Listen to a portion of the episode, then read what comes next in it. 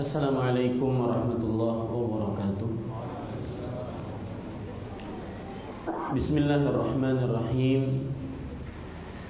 إن الحمد لله نحمده ونستعينه ونستغفره ونعوذ بالله من شرور أنفسنا وسيئات أعمالنا من يهده الله فلا مضل له ومن يضلل فلا هادي له وأشهد أن لا إله إلا الله وحده لا شريك له وأشهد أن محمدا عبده ورسوله.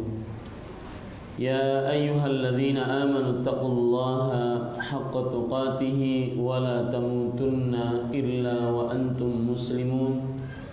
يا أيها الناس اتقوا ربكم الذي خلقكم من نفس واحدة وخلق منها زوجها وبث منهما رجالا كثيرا ونساء واتقوا الله الذي تساءلون به والأرحام إن الله كان عليكم رقيبا. يا أيها الذين آمنوا اتقوا الله وقولوا قولا سديدا يصلح لكم أعمالكم ويغفر لكم ذنوبكم ومن يطع الله ورسوله فقد فاز فوزا عظيما. أما بعد فإن أصدق الحديث كتاب الله وأحسن الهدي هدي محمد صلى الله عليه وعلى آله وسلم وشر الأمور محدثاتها وكل محدثة بدعة وكل بدعة ضلالة وكل ضلالة في النار.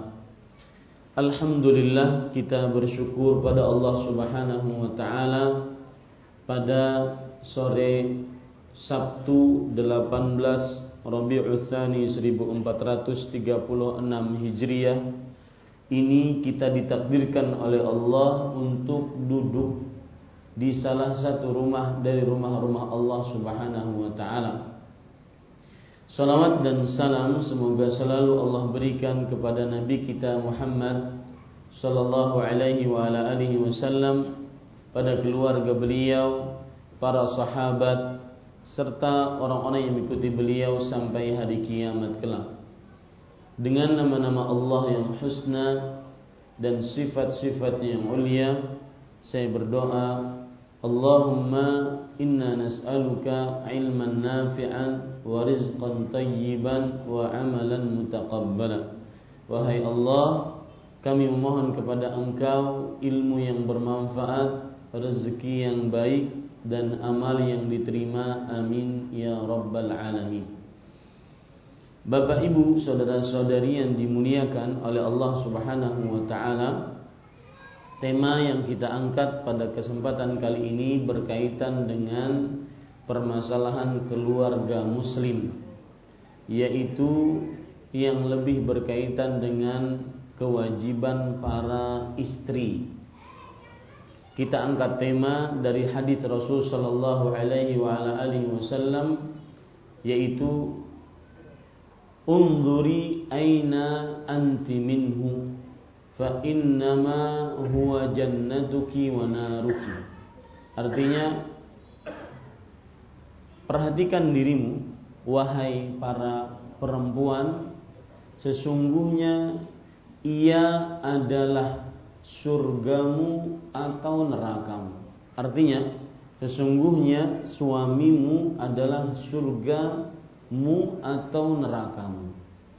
Maksud dari hadis ini adalah kapan suami ridho terhadap istrinya maka niscaya sang istri mendapatkan surga dari Allah Subhanahu wa taala. Dan kebalikannya, kapan suami murka terhadap istrinya karena kelakuan atau ucapan atau sifat dari istrinya, maka sang istri berdasarkan hadis ini diancam dengan nerakanya Allah Subhanahu wa taala. Sebagaimana kita ketahui bersama bahwa Islam sebagai agama yang sempurna bukan hanya sekedar mengatur hubungan antara manusia dengan Allah. akidah atau ibadah. Islam sebagai agama yang sempurna mengatur juga hubungan manusia dengan manusia. Mengatur hubungan bagaimana hubungan antara manusia dengan manusia, anak dengan orang tua, kemudian suami dengan istri, kemudian kerabat dengan kerabat lainnya juga diatur dalam agama Islam. Saking sempurnanya ajaran Islam. Oleh karenanya tidak heran pada kesempatan kali ini kita mengambil tema suamimu, surgamu atau nerakamu. Karena ini termasuk daripada mempelajari Islam, mempelajari Al-Quran dan Sunnah Nabi Muhammad Sallallahu Alaihi Wasallam. Pentingnya tema ini dilihat dari beberapa sisi. Yang pertama, dalam tema ini menunjukkan bahwasanya Suami adalah bakal nasib istri. Yang mana di akhirat tidak ada tempat bertinggal kecuali surga atau neraka. Dan semakin penting tema ini dilihat dari sisi yang lain yaitu sebuah kesuksesan yang hakiki yang tidak ada perdebatan dalam kata sukses itu adalah ketika seorang masuk ke dalam surga dan jauh dari api neraka. Maka ketika kita mengangkat tema surgamu adalah eh suamimu adalah surgamu atau nerakamu, ini penting sekali. Kenapa? Karena kesuksesan hakiki masuk surga jauh dari api neraka. Sebagian orang tua kadang-kadang ketika anaknya sudah mendapatkan pekerjaan dengan pekerjaan yang layak dan tetap, maka sang orang tua menelpon kerabatnya. Alhamdulillah mas, anak saya sekarang sudah jadi orang. Berarti sebelumnya belum. Kenapa? Karena Orang tua ini menganggap sukses adalah ketika sang anak dapat pekerjaan tetap. Dapat pekerjaan tetap. Ada lagi yang menganggap sukses adalah seperti karun. Karun itu simbol kekayaan dunia. Kalau ini masjid apa namanya? Al-Ghuraba. Kalau mas, di bawah Masjid Al-Ghuraba ini digali tanah. Kemudian tersimpan harta. Orang akan menyebutnya harta karun. Padahal mungkin si karun belum pernah datang ke Denpasar Bali. Kenapa disebut hartanya karun? Karun itu nama orang dalam bahasa Arab korun karena dia adalah simbol kekayaan orang yang paling kaya. Sebagian orang menganggap sukses adalah ketika sudah kaya, sukses.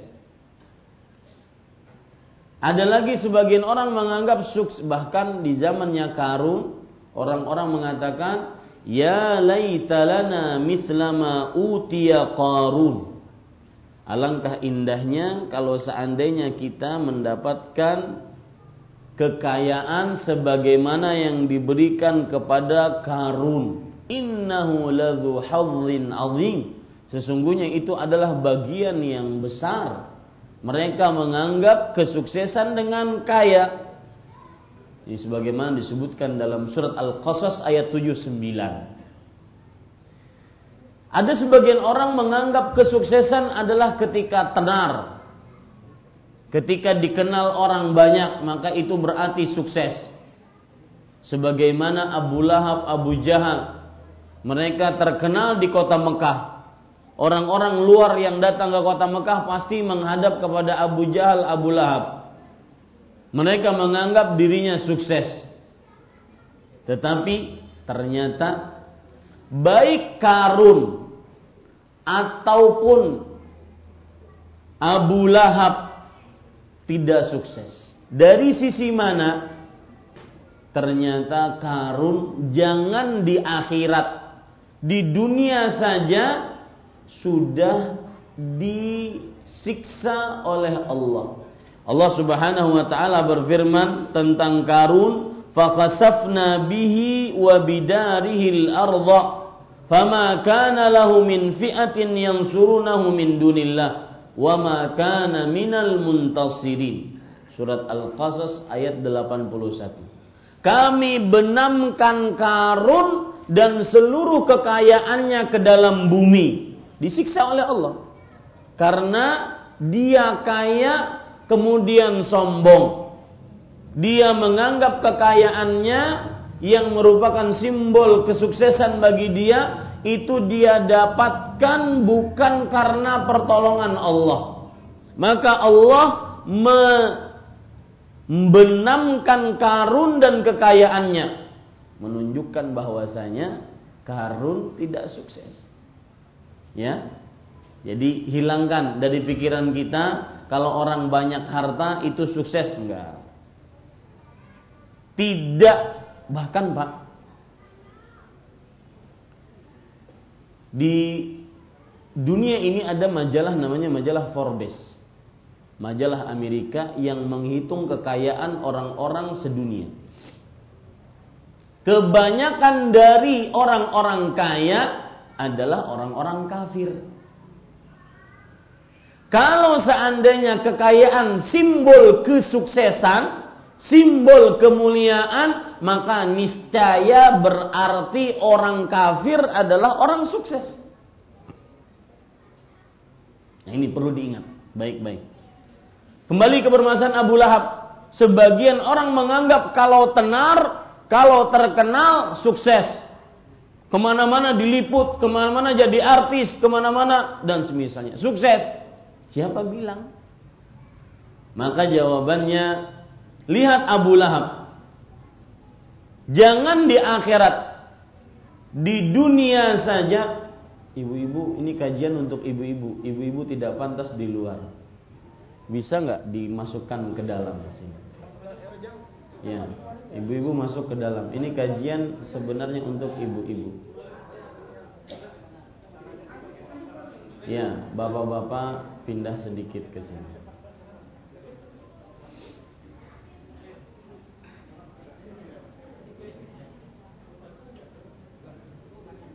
Ya,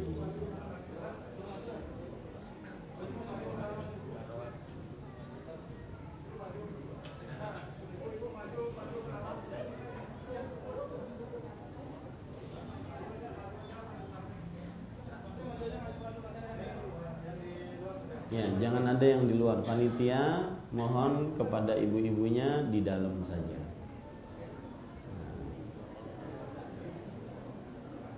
Kalau ada kain-kain yang bisa menutup mungkin dicari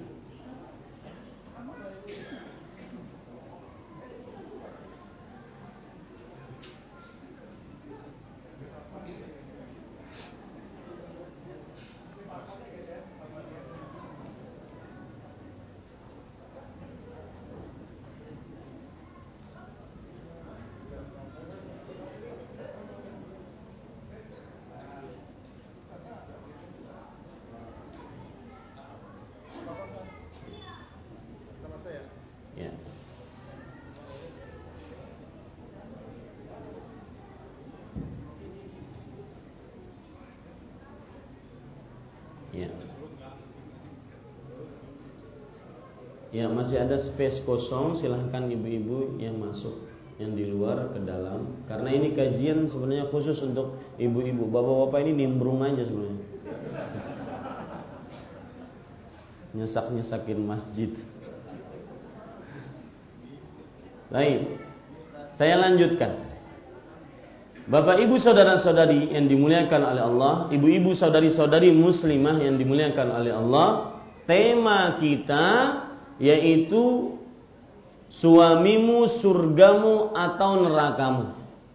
Tema ini diambilkan dari hadis Rasul ketika Rasulullah sallallahu alaihi wasallam berkata kepada seorang perempuan yang sudah mempunyai suami.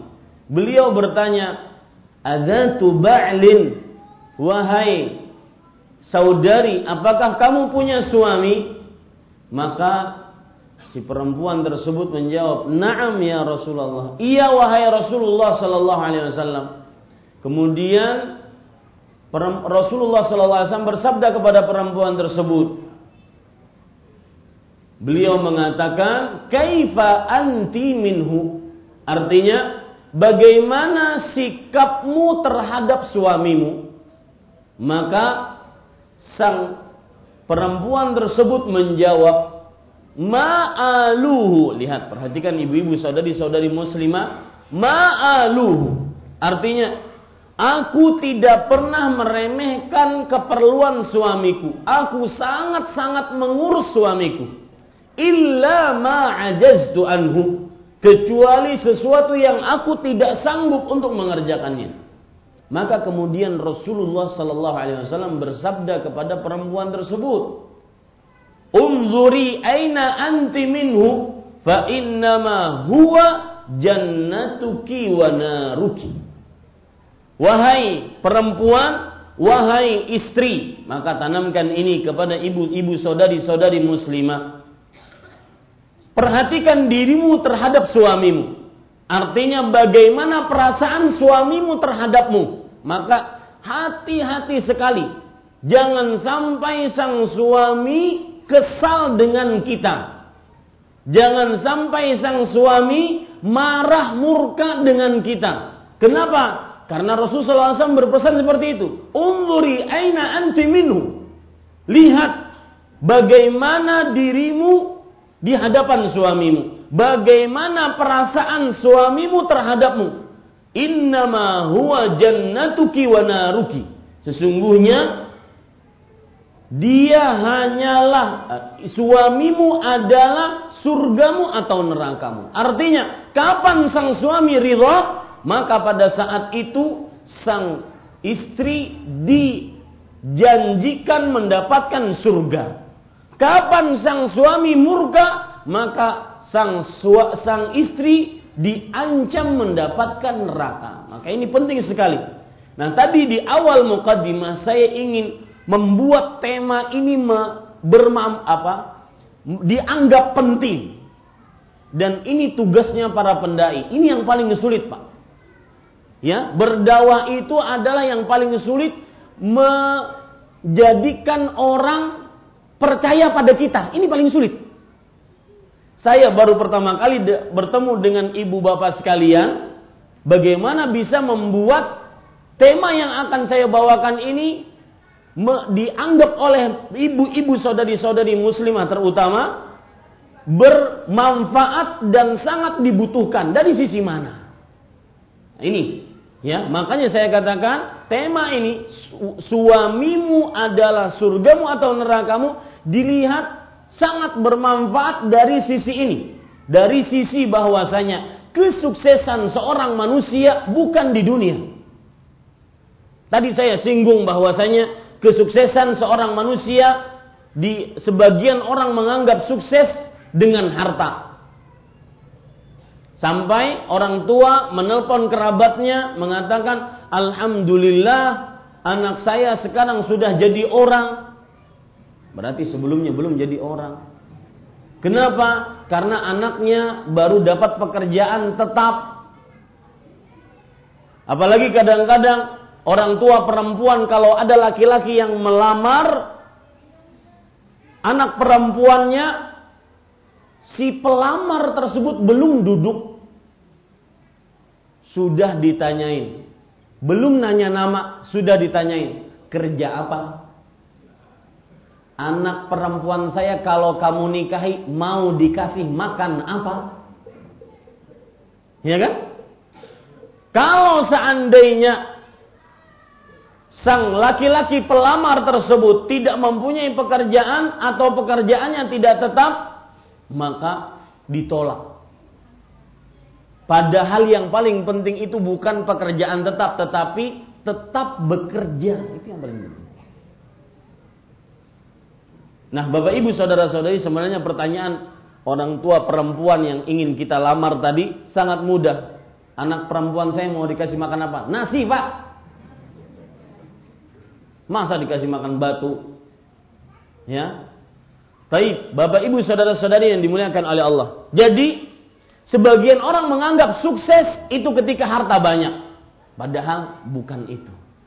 Kalau seandainya kesuksesan diukur dengan harta, maka niscaya Karun dan orang-orang kafir lainnya adalah orang sukses. Tetapi ternyata Karun jangan di akhirat, di dunia saja sudah dibenamkan oleh Allah, disiksa oleh Allah. Sebagaimana dalam surat Al-Qasas ayat 81. Kalau sebagian orang menganggap sukses itu tenar, dikenal, jadi presiden, menteri, gubernur, sukses. Ke mana-mana diliput, ke mana-mana ada wartawan, sukses. Enggak. Ternyata Abu Lahab terkenal satu Mekah. Siapa saja yang datang ke datang ke kota Mekah, maka dia harus menghadap kepada Abu Lahab. Tapi dia enggak sukses ternyata. Kenapa? Jangan di akhirat, di dunia, dua kakinya masih berjalan, dia sudah dinyatakan oleh Allah sebagai penghuni neraka masih hidup dan ini mukjizat Al-Qur'an. Orangnya masih hidup di dunia sudah dinyatakan sebagai penghuni neraka. Allah berfirman, "Tabbat yada abi lahabin wa tab. Ma aghna anhu maluhu wa ma kasab. Sayasla naran dzata lahab." Abu Lahab akan dibakar oleh api yang menyala-nyala. Dan fi'lan Abu Lahab dengan istrinya adalah oh, dua orang sampai akhir hayat tidak beriman. Ini mukjizat Al-Quran. Ada pelajaran menarik dari Abu Lahab dan istrinya. Bapak Ibu saudara-saudari yang dimuliakan oleh Allah Subhanahu wa taala, perhatikan baik-baik pelajarannya. Ini sedikit menyimpang. Allah berfirman di dalam surat At-Taubah ayat 34 sampai 35. Fiddata wa la yunfiquna fi sabilillah fabashshirhum bi'adzabin alim yawma yuhma 'alayha fi nari jahannam fatukwa biha jibahuhum wa junubuhum wa dhuhuruhum hadza ma kanaztum li anfusikum fadzuqu ma kuntum taknizun. Lihat ini ini sesuatu yang menyimpang dari tema kita ya. Tetapi tidak mengapa insya Allah ada manfaatnya. Karena saya teringat cerita Abu Lahab dengan istrinya. Allah berfirman di dalam surat Toba ayat 34 sampai 35. Orang-orang yang menyimpan emas dan peraknya dan tidak menafkahkannya di jalan Allah, maka ancam mereka dengan siksa yang pedih yang tidak mau bayar zakat. Ancam dengan siksa yang pedih. Siksa pedihnya bagaimana? Allah Subhanahu wa taala berfirman, pada hari di hari kiamat emas-emas tersebut akan dijadikan lempengan-lempengan api. Kemudian diletakkan di dahi, di punggung dan di lambung. Itu adalah ancaman bagi orang yang tidak mau bayar zakat. Imam Ibnu Katsir ketika menafsiri ayat ini beliau mengatakan perkataan yang pantas ditulis dengan tinta emas. Beliau mengatakan, "Man ahabba syai'an wa qaddamahu ala ta'atillah 'udziba bih." Barang siapa yang menyukai sesuatu dan ia lebih dahulukan dibandingkan taat kepada Allah, dia akan disiksa dengan sesuatu tersebut. Seperti tadi, orang lebih suka kepada emas dan perak, tidak mau bayar zakat. Dia lebih menyukai emas dan peraknya, tidak mau bayar zakat. Maka di akhirat dia akan disiksa dengan apanya? Emas dan peraknya. Nah, kemudian Imam Ibnu Katsir ulama tafsir di dalam agama Islam di abad ke-7 Hijriah dan ke-8 Hijriah beliau menyebutkan seperti kata beliau ceritanya Abu Lahab dan istrinya bagaimana Abu Lahab tidak mau beriman kepada Allah dan Rasulnya tetapi lebih mendahulukan cintanya, sayangnya, rindunya, matinya kepada istrinya dibandingkan taat kepada Allah dan Rasulnya, maka Abu Lahab di akhirat yang akan menyiksanya siapa? Hah? Istrinya. Ini rahasia firman Allah, wa mra'atuhu hammalatal hatab. Istrinya pembawa kayu bakar yaitu karena Abu Lahab lebih mendahulukan cinta kepada istrinya dibandingkan taat kepada Allah dan Rasulnya tidak mau beriman dia. Maka yang akan menyiksanya yang dia cintai yaitu siapa?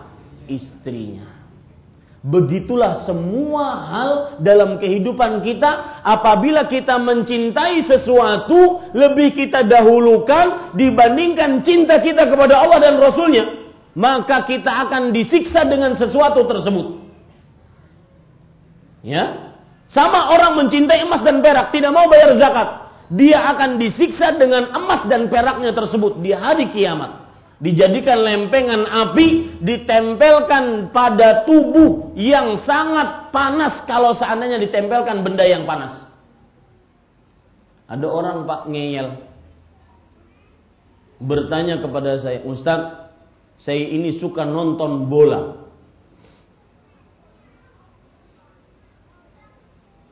Dan kadang-kadang bola tersebut kalau di daerah saya itu jam-jam lagi sholat isya. Ketika hayya ala salah, hayya ala falah, saya tidak pergi ke masjid. Kenapa? Karena sedang nonton bola. Kalau berdasarkan kaedah dari Imam Ibnu Katsir tadi, kira-kira Allah mensiksa saya di akhirat dengan apa? Dengan bola itu gimana kata dia. Ini orang ngeyel. Ya, tidak mau mengakui kesalahan. Nah, kembali ke permasalahan kita. Sukses yang hakiki sebenarnya adalah apa?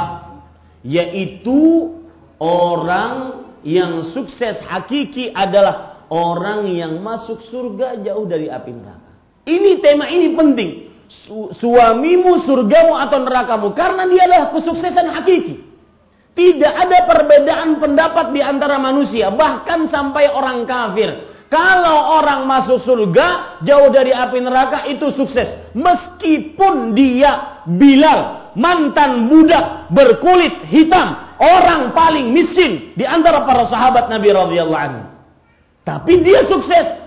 Kenapa? Karena jangan masuk surga ternyata suara terompahnya Bilal di surga di depan Rasul Shallallahu Alaihi Wasallam. Ini sukses hakiki. Ya, jadi mulai saat sekarang terutama ibu-ibu, saudari-saudari muslimah, jangan sampai seperti dalam hadis Rasul, nisaun kasiyat ariyat. Kata Rasul Shallallahu Alaihi Wasallam, ada dua ada dua kelompok penghuni neraka yang aku tidak pernah melihatnya. Salah satu dari satu kelompok tersebut adalah atau dua kelompok tersebut adalah salah satunya nisaun kasiyat ariyat. Wanita-wanita yang memakai pakaian tetapi telanjang. Salah satu tafsiran wanita memakai pakaian tapi telanjang adalah kalau untuk urusan dunia model fashion baju model make up ya bulu mata bulu mata samudra bulu mata nusantara bulu mata gelombang Pasifik.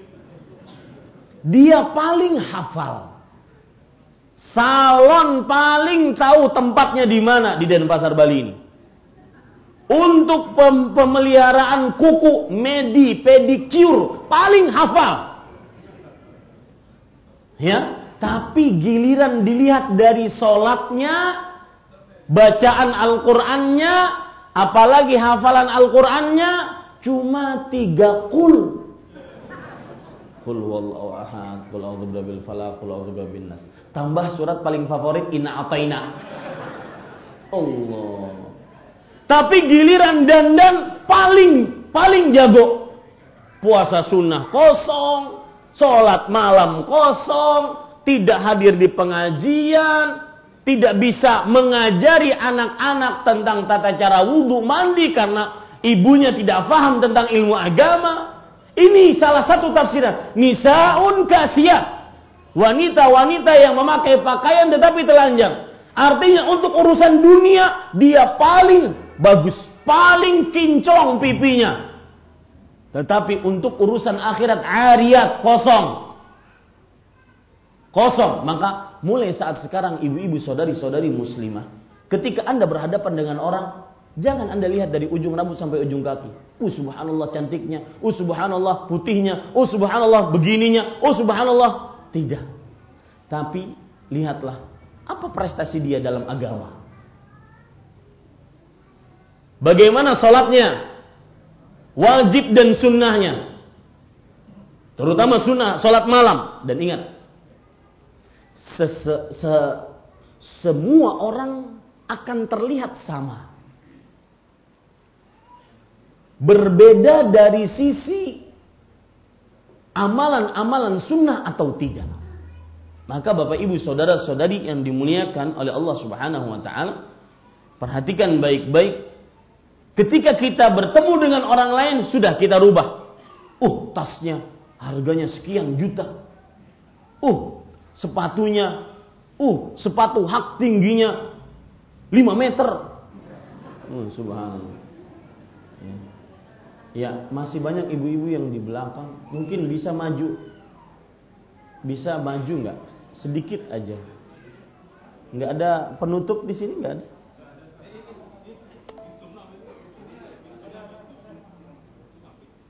Ya, kasihan ibu-ibu yang di luar terus datang.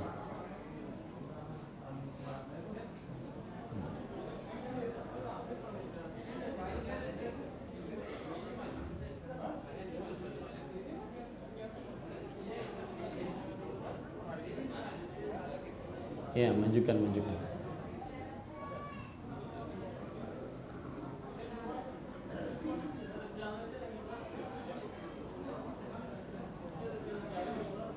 Ya, cukup, cukup, cukup.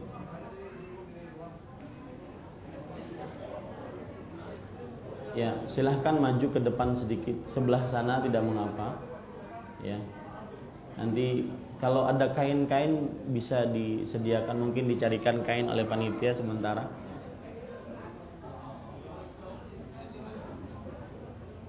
Yang bisa menutup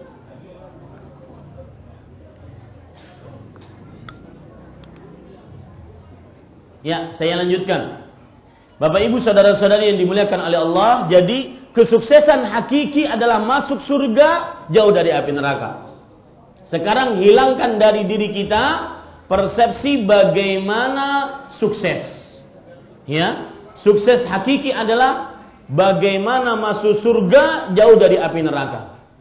Taib. Kalau begitu, kalau sudah dipahami pentingnya judul ini, maka Bapak Ibu, terutama ibu-ibu saudari-saudari yang dimuliakan oleh Allah, sebelum saya masuk, bagaimana kita mendapatkan surga dengan meraih ridho suami, maka saya ingin menyebutkan keutamaan istri yang salihah.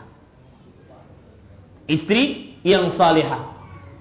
Yaitu di dalam hadis yang diriwayatkan oleh Imam Hakim dalam kitabnya Al-Mustadrak, Rasul sallallahu alaihi wasallam bersabda, "Man razaqahu Allahu imra'atan salihatan faqad a'anahu ala syatri dinih falyattaqillaha fi syatri tsani. Artinya barang siapa yang diberikan rezeki oleh Allah Subhanahu wa taala dengan istri yang salihah lihat yang di sini disebutkan oleh Rasul sallallahu alaihi wasallam istri yang salihah bukan istri yang macam-macam istri yang salihah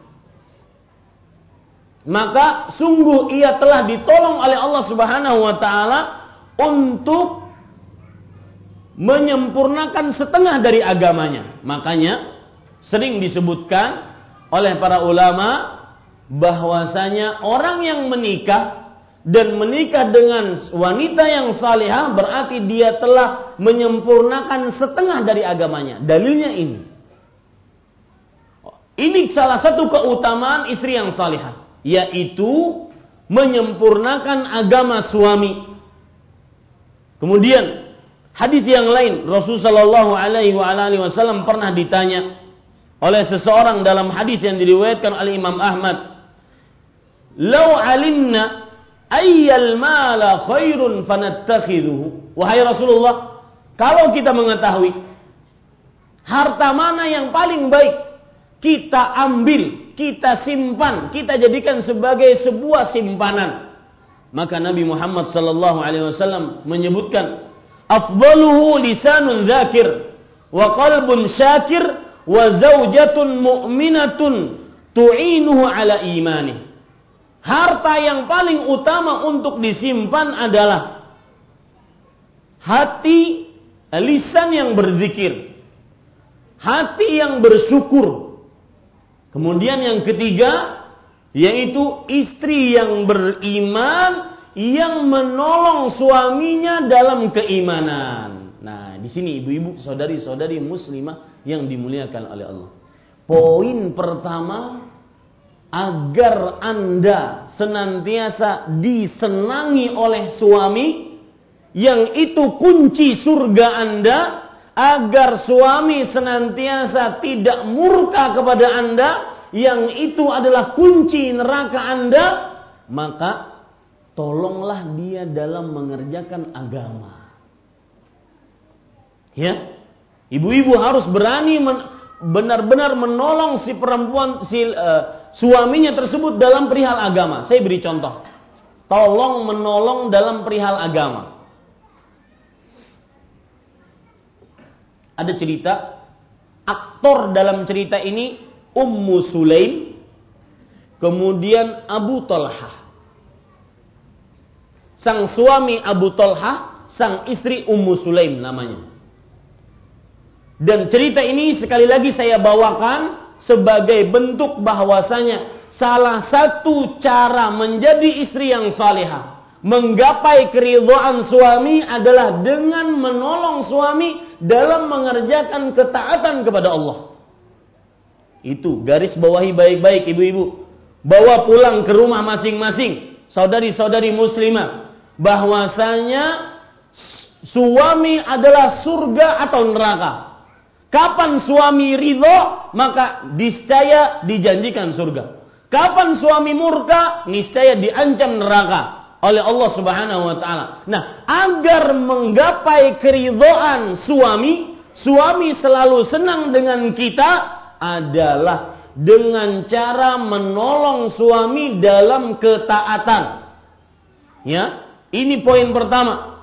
Agar kita mendapatkan surga, dengan mendapatkan ridho suami yaitu dengan menolong suami dalam ketaatan. Contohnya cerita Ummu Sulaim dengan siapa tadi? Abu Talha. Bagaimana Ustaz ceritanya? Abu Talha mempunyai anak namanya Talha. Anak ini sedang sakit. Sakitnya sekarat. Kemudian Abu Talha pada saat itu hari itu sedang berpuasa Kemudian beliau pergi keluar rumah untuk mencari nafkah. Sang istri Ummu Sulaim mengurus rumah suaminya, mengurus anaknya yang sedang sakit. Ketika sang suami di luar rumah, Tolhah sang anak meninggal dunia. Nah, perhatikan di sini, ibu-ibu saudari-saudari muslim. Ummu Sulaim radhiyallahu anha Ummu Sulaim ini juga nanti kita akan ambil pelajaran darinya menarik yang berkenaan dengan Anas bin Malik.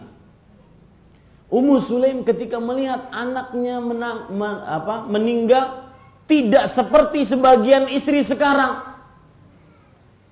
Kalau sang suami lagi curhat kepada istrinya, malah bukan mendapatkan solusi, malah mendapatkan masalah. Makanya sebagian suami malas untuk curhat dengan istrinya. Kenapa? Karena kalau dicurhati bukan dapat solusi, malah dapat masalah. Misalkan, istri-istri yang sering dia kalap kalau menghadapi masalah. Suami pulang dari kerja, kemudian dalam keadaan cemberut, kemudian ditanya oleh sang istri, "Mas, Bang, Kak, suamiku, kenapa engkau menangis atau kenapa engkau cemberut?" Kata sang suami, "Saya baru dimarahi oleh atasan." Sang istri bukannya ingin menenangkan suaminya, bukannya memberikan solusi. Lalu gimana? Lalu gaji hari bulan ini gimana? Dipotong atau tidak? Lalu gimana? Ini bukan malah dapat ketenangan, malah dapat masalah baru. Ya, maka lihat Ummu Sulaim ketika menangis, meninggal anaknya, beliau biarkan anaknya dibandii, dikafani dengan baik, kemudian tidak diberitahu kepada suaminya. Suaminya tetap pulang, dalam ketika sore pulang seperti biasa. Ingin berbuka puasa, beliau minta anaknya menemani buka puasa. Kata Ummu Sulaim, engkau makan saja dahulu, dia sedang istirahat dengan baik. Lihat. Berdusta nggak Ummu Sulaim? Tidak. Satu. Yang kedua, setelah sang suami berbuka puasa, kenyang perut, maka Ummu Sulaim berdandan habis-habisan. Sebagaimana layaknya seorang istri ingin melayani suaminya. Maka sang Abu Talha radhiyallahu anhu beliau akhirnya tertarik dan terbawa hawa nafsu ingin menggauli istrinya pada malam itu. Sesudah sholat maghrib menggaulilah istrinya. Sesudah diberikan masukan kenyang perut, kenyang syahwat, baru saat itu Ummu Sulaim mengatakan kepada suaminya perihal anaknya. Lihat, sudah keadaan suami benar-benar mantap untuk menerima kabar kematian anaknya yang tersayang baru diberitahukan oleh Ummu Sulaim. Sudah kenyang perut, syahwatnya sudah terlampiaskan, senang, baru diberitahu. Beritahunya pun tidak kalap. Kata Ummu Sulaim, Ya Abu Talha, wahai suamiku Abu Talha, Abu, Abu Talha.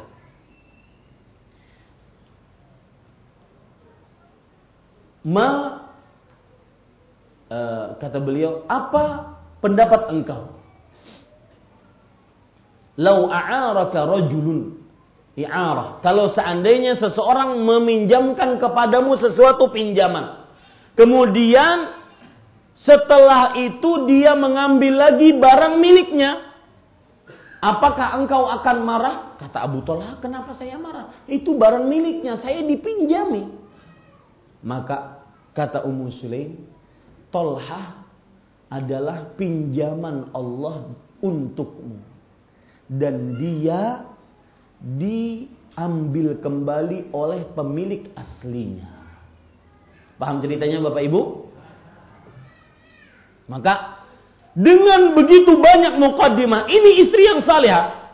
Ini istri yang menolong suaminya agar tegar dalam menghadapi musibah. Seperti ini contohnya. Ya, seperti ini cara seorang istri mengambil keridhaan suami, menolong suami dalam mengerjakan ketaatan kepada Allah. Salah satu bentuk ketaatan adalah sang suami ridho dengan musibah yang Allah berikan kepadanya dan itu akibat pertolongan istrinya. Semestinya istri seperti ini. Besok pagi, eh, ketika mendengar ternyata anaknya yang selama ini paling dia cintai satu-satunya meninggal, Abu Talha dengan gampangnya sesudah bukodima pendahuluan yang begitu banyak dari istri yang salihah, dia mengatakan innalillahi wa inna ilaihi rajiun. Ya sudah selesai.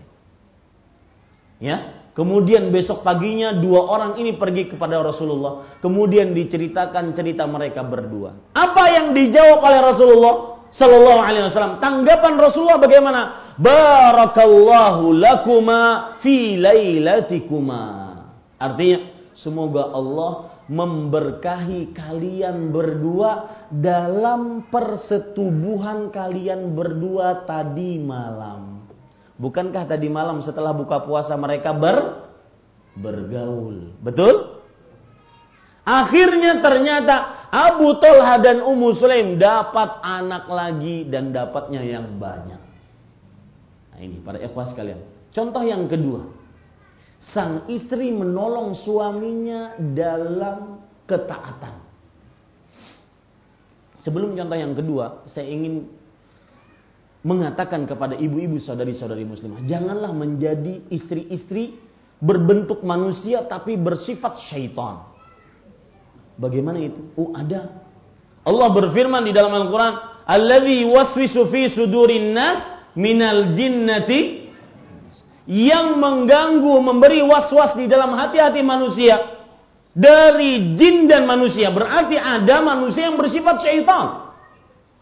Di antaranya. Kadang-kadang istri, mudah-mudahan yang hadir dari ibu-ibu di sini tidak seperti itu. Kadang-kadang hadir di, di majelis pengajian, bapak, ibu, saudara-saudari sekalian. Ibunya mungkin sudah lama hadir di majelis pengajian. Suaminya baru saat ini. Ya, Ya, filmnya berakhir ya Bu. Harus diberi hijab.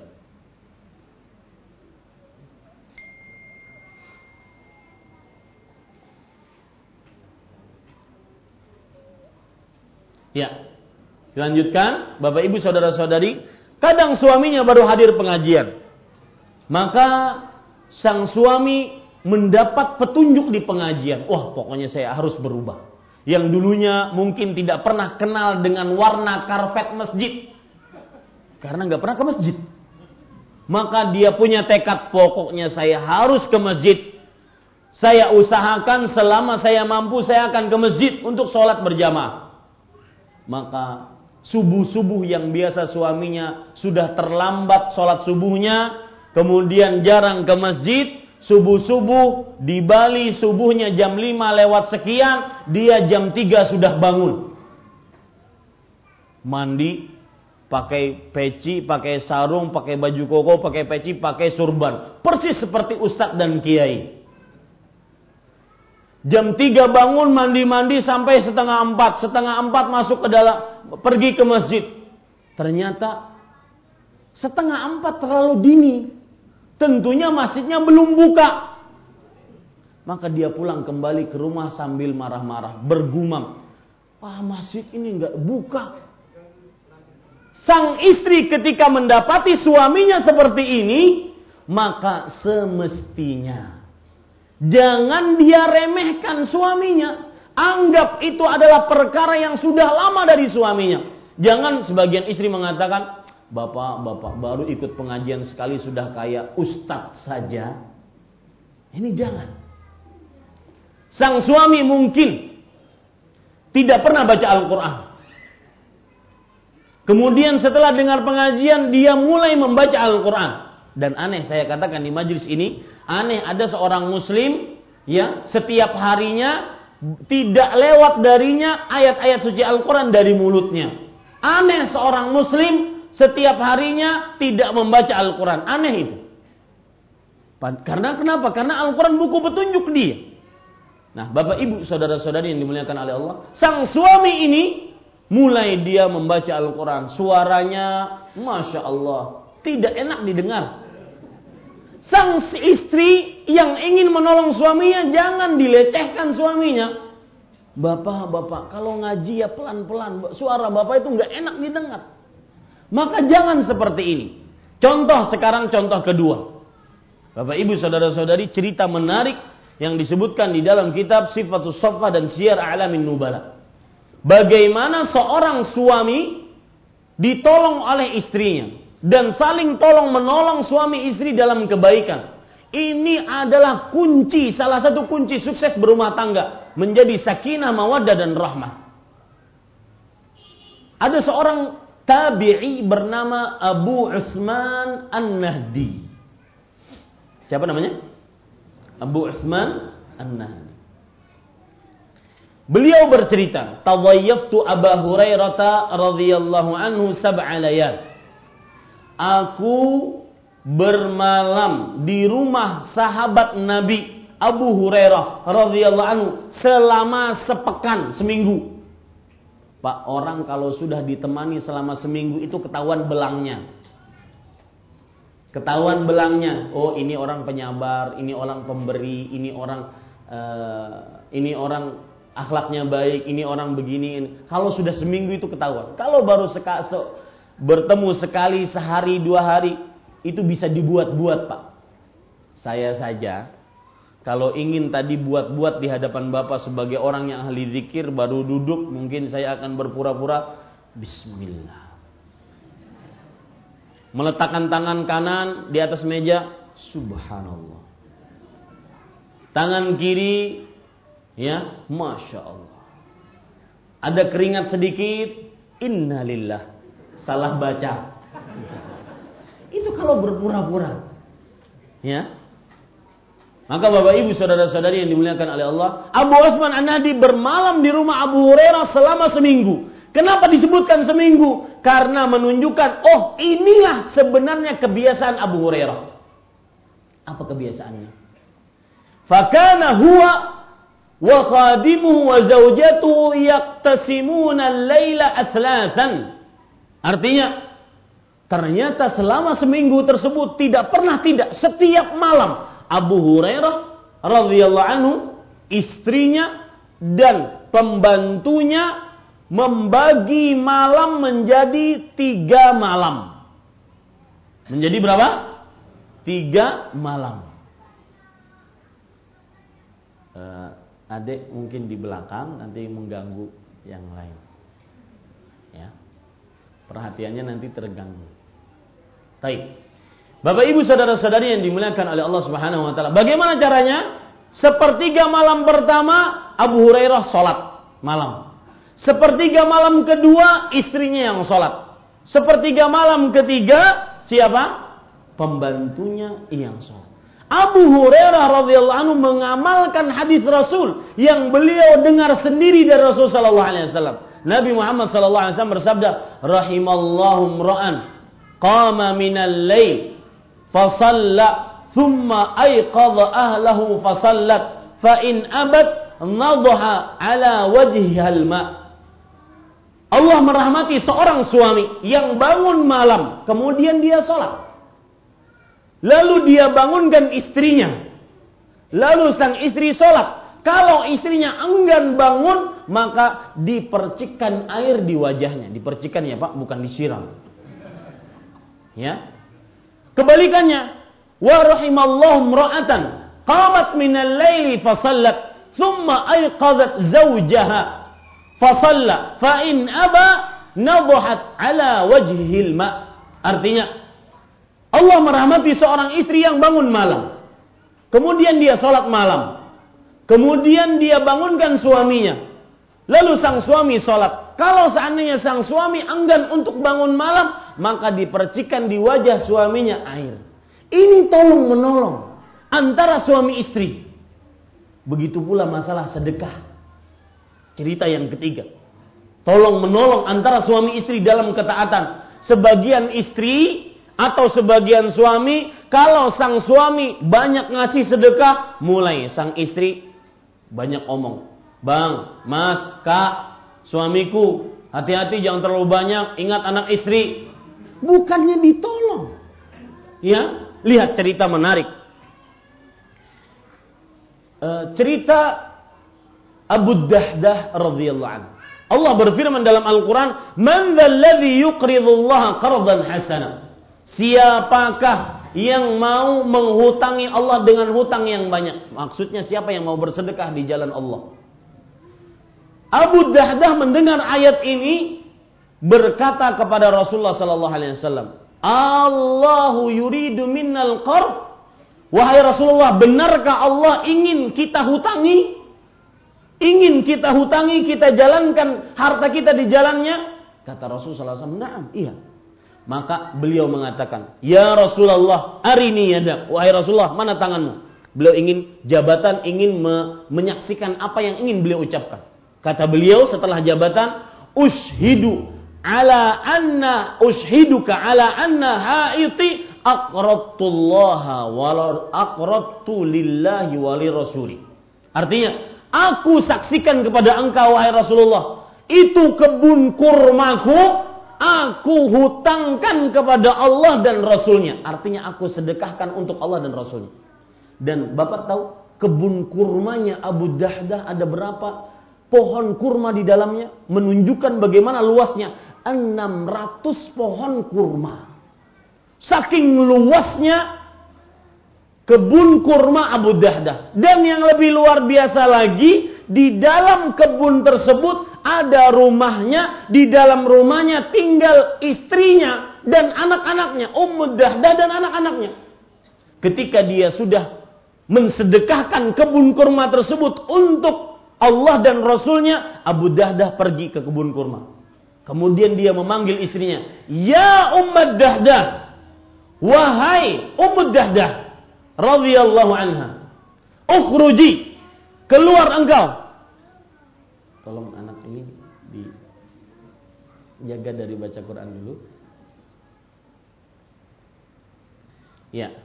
Wahai Ummu Dahdah, keluar engkau dari kebun ini. Ya, sesungguhnya aku telah menghutangkan, menghutangkan, mensedekahkan kebun ini untuk Allah dan Rasulnya. Lihat Ummu Dahdah sang istri. Kalau di zaman sekarang hampir semua tanahnya dia sedekahkan. Gimana istri? Sebagian istri kadang-kadang, wahai bapak, wahai suamiku, kenapa di disedekahkan? Kita mau makan apa? Nanti anak kita sekolah di mana? Nanti kita mau makan apa? Makan nasi, Bu. Ya. Lihat Ummu Dahdah tidak seperti itu. Ummu Dahdah mengatakan ketika mendengar suaminya mensedekahkan seluruh hartanya, maka Kata Ummu Dahdah, "Rabiha bai'uka ya Abu Dahdah." Wahai Abu Dahdah, sungguh jual belimu mendatangkan keuntungan yang sangat besar. Dan memang benar, akhirnya Rasulullah SAW bersabda, "Kam min ilqin radihin li Dahdah fil jannah." Berapa banyak pohon-pohon tunas-tunas kurma yang dimiliki oleh Abu Dahdah yang tumbuh di dalam dalam mana? surga. Lihat bagaimana seorang istri mencari ridho suaminya dengan cara saling menolong suami dalam keba kebaikan. Ini sifat istri yang salihah yang pertama, menolong suami dalam kebaikan. Ada sedikit menarik Bapak Ibu, saudara-saudari, saya menulis buku judulnya Wanita Penghuni Neraka. Di dalam buku tersebut terdapat saya sebutkan orang-orang wanita-wanita yang dicap dalam Al-Quran dan dalam hadis dari Rasulullah SAW sebagai penghuni neraka. Dan kebalikan dari itu ada yang disebut oleh Allah Subhanahu oleh Rasulullah SAW wanita-wanita sebaik-baik wanita semesta alam. Di antaranya yaitu siapa? Khadijah radhiyallahu anha. Khadijah Perhatikan ibu-ibu saudari-saudari muslimah dan ini salah satu cara agar kita mendapatkan ridho suami yang kedua. Ya, karena mendapat ridho suami dijamin surga. Karena suamimu adalah surgamu atau nerakamu. Maka kita harus mencari cara bagaimana mendapatkan ridho suami. Salah satu cara mendapatkan ridho suami, kita contoh Khadijah. Lihat Khadijah. Perhatikan baik-baik Bapak Ibu Saudara-saudari. Dalam sebuah hadis sahih di riwayat uh, Nabi Muhammad sallallahu alaihi wasallam didatangi oleh Jibril. Jibril alaihi salam berkata kepada Rasul sallallahu alaihi wasallam, "Ya Rasulullah, wahai Rasulullah, hadhihi Khadijah atatka wa ma'aha ta'amun wa syarab faqra minni wa min rabbiha salam wa abshirha bi baitin min qasab fil jannah min qasabin la sakhaba fihi wala nasab. Hadis riwayat Bukhari. Wahai Rasulullah kata Jibril alaihissalam perhatikan ibu-ibu perhatikan dan amalkan. Wahai Rasulullah kata Jibril itu Khadijah datang ingin membawa kepadamu makanan dan minuman. Maka ucapkanlah salam untuk Khadijah dariku. Ku di sini siapa? Hah? Jibril alaihissalam. Lihat, jarang-jarang manusia mendapatkan salam dari seorang Jibril. Ucapkan salam untuk Khadijah dariku dan dari Allah Subhanahu wa taala. Lihat, subhanallah. Dan arti salam adalah Assalamualaikum warahmatullahi wabarakatuh. Jangan ucapkan untuk Khadijah dariku dari Jibril dan dari Allah Subhanahu wa taala salam. Dan kemudian kata Rasulullah SAW, berikan kabar gembira kepada Khadijah bahwasanya dia akan mendapatkan sebuah rumah di surga yang lengkung tinggi yang terbuat dari berlian. Ibu, bapak Pernah membayangkan rumah terbuat dari berlian? Ya. Dan itulah surga. Surga itu setelah diteliti-teliti cuma kita dapat satu label.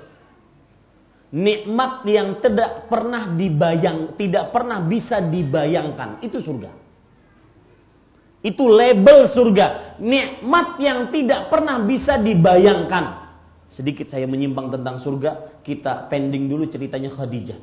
Agar seseorang yang belum pernah tahu tentang surga, mulai tertarik mencari surga. Jangan cuma mencari rupiah. Mencari surga. Coba perhatikan. Indahnya surga. Khulasah ringkasan dari indahnya surga itu seperti yang saya sebutkan tadi. Bahwasanya al-jannah fauqal wasf Surga itu di luar angan-angan manusia. Nikmat yang tidak bisa dibayangkan oleh manusia. Dan ini sesuai dengan hadis Rasul, riwayat Imam Ibnu Majah. Fa innal jannata la khatara laha. Sesungguhnya surga tidak bisa dibetikkan di dalam hati nikmatnya. Benar-benar indah.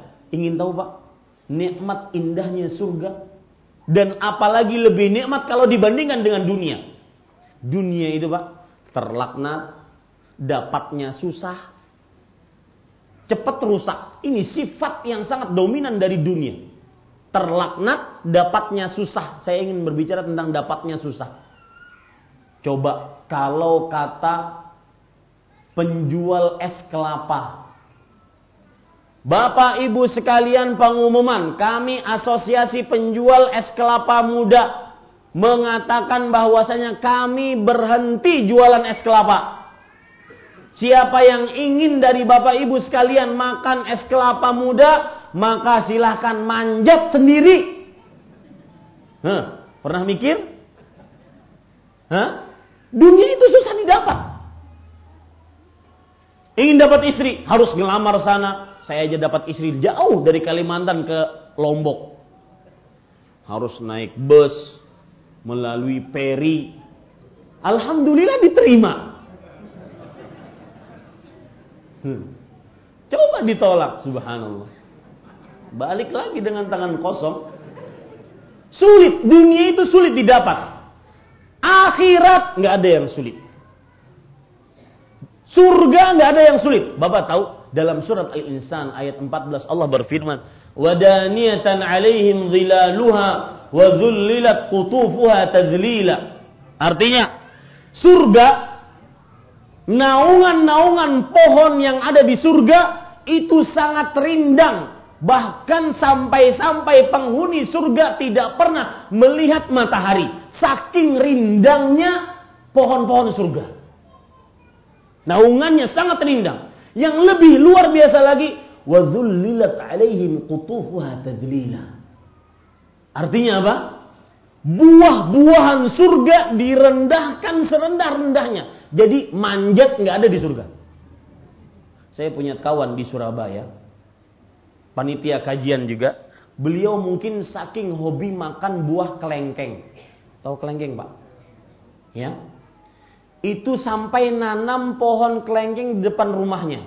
Tapi namanya dunia sulit didapat. Nanam berbulan-bulan nggak nggak tumbuh-tumbuh buahnya sampai beli semprot agar cepat berbuah. Subhanallah saya lihat dalam hati saya, hm, ingin makan buah nyemprot dulu. Itu dunia. Sedangkan di surga tidak. Dzullilat alaihim tadzlila. Ranting-ranting buah-buahnya itu direndahkan serendah-rendahnya. Di dalam tafsir Imam Ibnu Katsir dijelaskan apa maksudnya direndahkan serendah-rendahnya. Idza qama ahlul jannah jika penghuni surga itu berdiri, maka buahnya ikut berdiri sejajar dengan dia. Wa idza jalasa, kalau seandainya penghuni surga itu duduk, maka dia ikut duduk sejajar dengan dia. Wa idza is uh, wa idza kalau seandainya dia rebahan, maka buahnya ikut rebahan sejajar dengan dia. Jadi nggak ada sulit pak. Ya, itu surga. Bisa membayangkan? Bisa? Nggak bisa. Itu surga. Nggak bisa dibayangkan. Ya, jadi ingat, surga itu bukan hanya sekedar bidadari. Sebagian kadang-kadang saya tanya, Pak, ini terutama perhatikan ibu-ibu. Lihat jawabannya benar nggak? Bapak mau masuk surga? Mau. Kenapa? Nah, kan bidadari. Jadi surga sama dengan bidadari. Betul bidadari adalah sesuk makhluk yang Allah ciptakan untuk melayani penghuni-penghuni surga. Tapi di dalam surga bukan hanya sekedar bidadari. Maka setelah ini kenali baik-baik tentang surga ibu-ibu saudari-saudari sekalian.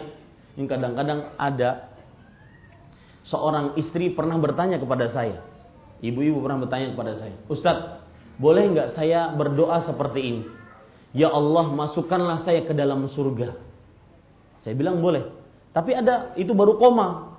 Masukkanlah saya ke dalam surga dan kalau suami saya juga masuk ke dalam surga, jangan pertemukan kami lagi.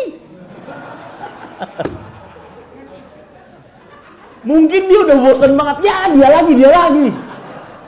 Allah.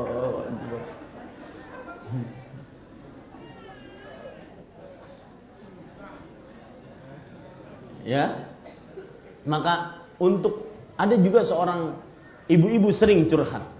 Ustaz, laki-laki enak di dalam surga dapat bidadari. Kami dapat apa? Maka eh, apa namanya? Apalagi sebagian ibu-ibu tahu riwayat bahwa seorang penghuni surga lelaki akan memeluk bidadari saking indahnya bidadari tersebut dia peluk tidak pernah bosan 70 tahun dia peluk. Anda pernah meluk istri Anda lebih dari itu? Jangan meluk seperti yang saya sebutkan tadi pagi di masjid sadar. Kadang ngomong sama istri 5 menit nggak ada asap nggak ada apa-apa tengkar. Kalau ngobrol di luar rumah, wow bisa tertawa terbahak-bahak. Ini 5 menit tengkar sama istri ya sang e, ibu ini curhat Ustadz itu kalau laki-laki memeluk bidadari selama 70 tahun lalu bagian kami kapan maka semua pertanyaan yang saya sebutkan tadi jawabannya cuma satu bahwa di surga tidak ada kesedihan tidak ada rasa hasad tidak ada rasa dengki tidak ada capek Semuanya nikmat, semuanya indah. La tasma'u fiha lagwan wala ta'thima. Kamu tidak akan pernah mendengar di dalamnya sesuatu yang sia-sia, sia-sia ataupun dosa. Kembali ke permasalahan ini. Bapak Ibu saudara-saudari, lihat kata Jibril alaihissalam kepada Rasulullah SAW, berikan kabar gembira kepada Khadijah bahwasanya dia mendapatkan sebuah rumah Bukan sembarang rumah. Rumah yang lonjong dan tinggi yang terbuat dari berlian. Pernah membayangkan Pak? Berlian rumah. Saya saja di rumah Pak Suyono, subhanallah rumahnya luar biasa besarnya, indahnya. Itu baru dunia. Ini rumah besar dari berlian. Pernah terbayang? Bisa dibayangkan? Nah, itu surga. Nggak bisa dibayangkannya itu surga. Nah, pertanyaan, kenapa Ustadz disebutkan cerita Khadijah? Apa Apa kaitannya dengan tema kita? Ternyata rahasia disebutkan oleh para ulama. Kenapa Khadijah mendapatkan sebuah rumah di surga? Salah satu sebabnya adalah disebutkan dalam riwayat uh, uh, disebutkan di dalam perkataan dari kitab Al-Bidayah wan Nihayah bahwasanya sebab kenapa Khadijah mendapatkan rumah di surga. Sifat rumahnya lihat, rumahnya tinggi dan melonjong yang terbuat dari berlian yang tidak ada gaduh, tidak ada juga uh, la fihi wala nasab, tidak juga sulit capek menaiki rumah tersebut. Jadi dua sifat rumah Khadijah radhiyallahu anha dalam surga, tidak gaduh dan tidak capek mengurus rumah tersebut. Para ulama menjelaskan kenapa Khadijah radhiyallahu anha mendapatkan dua sif rumah dengan dua sifat tersebut. Sifat pertama apa tadi? Tidak gaduh. Jawabannya kata para ulama, li anna Khadijah perhatikan ibu-ibu perhatikan.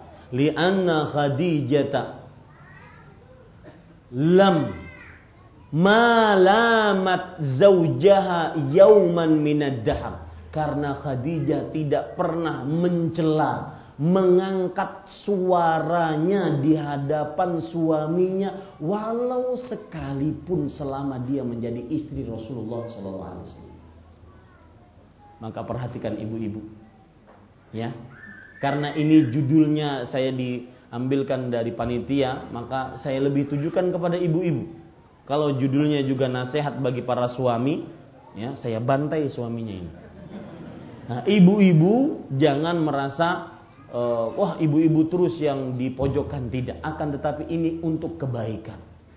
Bahwasanya ingin seperti Khadijah bahkan Rasulullah SAW bersabda khairu nisa'il alamin. Sebaik-baik wanita alam semesta adalah Khadijah bintu Khuwailid.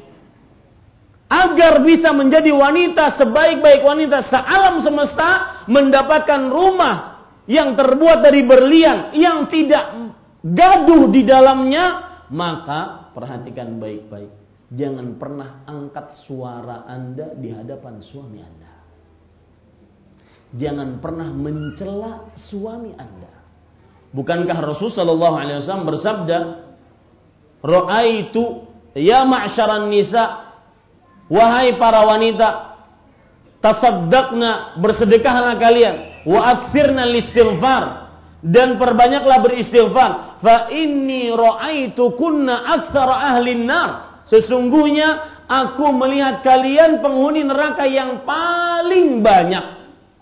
Salah satu penyebabnya adalah tadi sering membantah, menyangkal, ngangkat suara. Kata Rasulullah SAW ketika ditanya oleh seorang perempuan, Ya Rasulullah, malana aksara ahlin nar. Wahai Rasulullah, kenapa kita penghuni neraka yang paling banyak? Beliau mengatakan, Lianna kunna tuksirna la'na. Karena kalian sering suka mencela suami. Ya. Suka merendahkan suami. Dan saya pesan kepada suami. Ini sedikit menyimpang. Saya pesan kepada suami. Konsep agar anda tidak pernah diremehkan oleh istri nafkahi yang baik. Kerja jangan tidur. Jangan istrinya yang disuruh kerja. Wallahi pak saya pernah dapat di dalam sebuah kajian di Sumatera seorang ibu-ibu jujur cerita kepada saya. Ustadz sebelumnya saya menganggap suami saya tidak ada apa-apanya, hanya sebatas teman saya di atas ranjang saja. Saya tidak saya tidak memerlukan suami. Karena semua yang saya ingin saya bisa. Kenapa? Karena ibu tersebut kepala bagian, kemudian gajinya lebih besar daripada suaminya. Tapi saya tahu akhirnya bagaimana saya memerlukan suami. Kapan? Tatkala saya sakit. Suamilah yang mengatur dan melawat saya. Maka kerja anda wahai para suami. Beri nafkah. Usaha. Jangan istri anda yang bekerja. Agar terjadi kesinambungan, keharmonisan di antara keluarga. Itu sebuah sifat manusiawi. Tatkala orang ber, mengeluarkan nafkah, maka dia ingin menguasai keluarga. Itu yang disebutkan oleh Allah. Ar-rijal qawwamun 'ala nisa. para lelaki adalah pemimpin yang mengatur perempuan. Kenapa? Bima faddalallah ba'dahum ala ba'd wa bima anfaqu min amwalihim. Karena Allah meninggikan lelaki di, di, di, dari perempuan dan karena lelaki yang menafkahi perempuan. Jadi wajar kalau seandainya ada seorang lelaki, sering saya dicurhati oleh para suami, Ustaz, istri saya itu bengal, dinasehati satu kalimat dia nyerocos seratus kalimat. Betul apa betul? Balas dendam jangan-jangan nih. Ya. Ini Bapak Ibu saudara-saudari. Salah satu penyebabnya adalah Anda dianggap remeh oleh suami istri. Kenapa? Karena tidak menafkahi. Nafkahi yang benar istri. Ini para ikhwan yang dirahmati oleh Allah Subhanahu wa taala. Maka kembali ke pertanyaan tadi, tukfirna la'an, yaitu para para istri sering melaknat mencela suami. Ini penyebab terbesar sang istri mendapatkan nerakanya Allah Subhanahu wa taala. Maka contohlah Khadijah. Wahai ibu-ibu, saudara-saudari, saudari-saudari yang dimuliakan oleh Allah, contohlah Khadijah sudah diberikan salam oleh Allah dan Jibril alaihi, alaihi salam, kemudian dijanjikan mendapatkan rumah di surga yang tidak ada sakhab, yang tidak ada gaduh di dalamnya. Kenapa? Karena beliau tidak pernah mengangkat suaranya di hadapan Rasul sallallahu alaihi wasallam.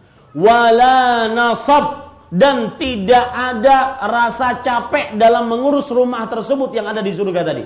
Salah satu penafsiran yang disebutkan oleh para ulama, kenapa Khadijah mendapatkan rumah yang tidak capek mengurusnya? Karena Khadijah tidak pernah membuat kesal suaminya.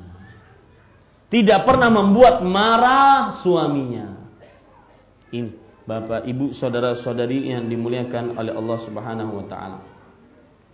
Taib yang terakhir sebelum kita masuk kepada sesi pertanyaan, maka perhatikan baik-baik Bapak Ibu saudara-saudari yang dimuliakan oleh Allah, kiat yang ketiga agar kita menggapai ridho suami sehingga kita mendapatkan surga suami yaitu ibu-ibu dan juga bapak-bapak Perhatikan penampilan Anda di hadapan pasangan Anda.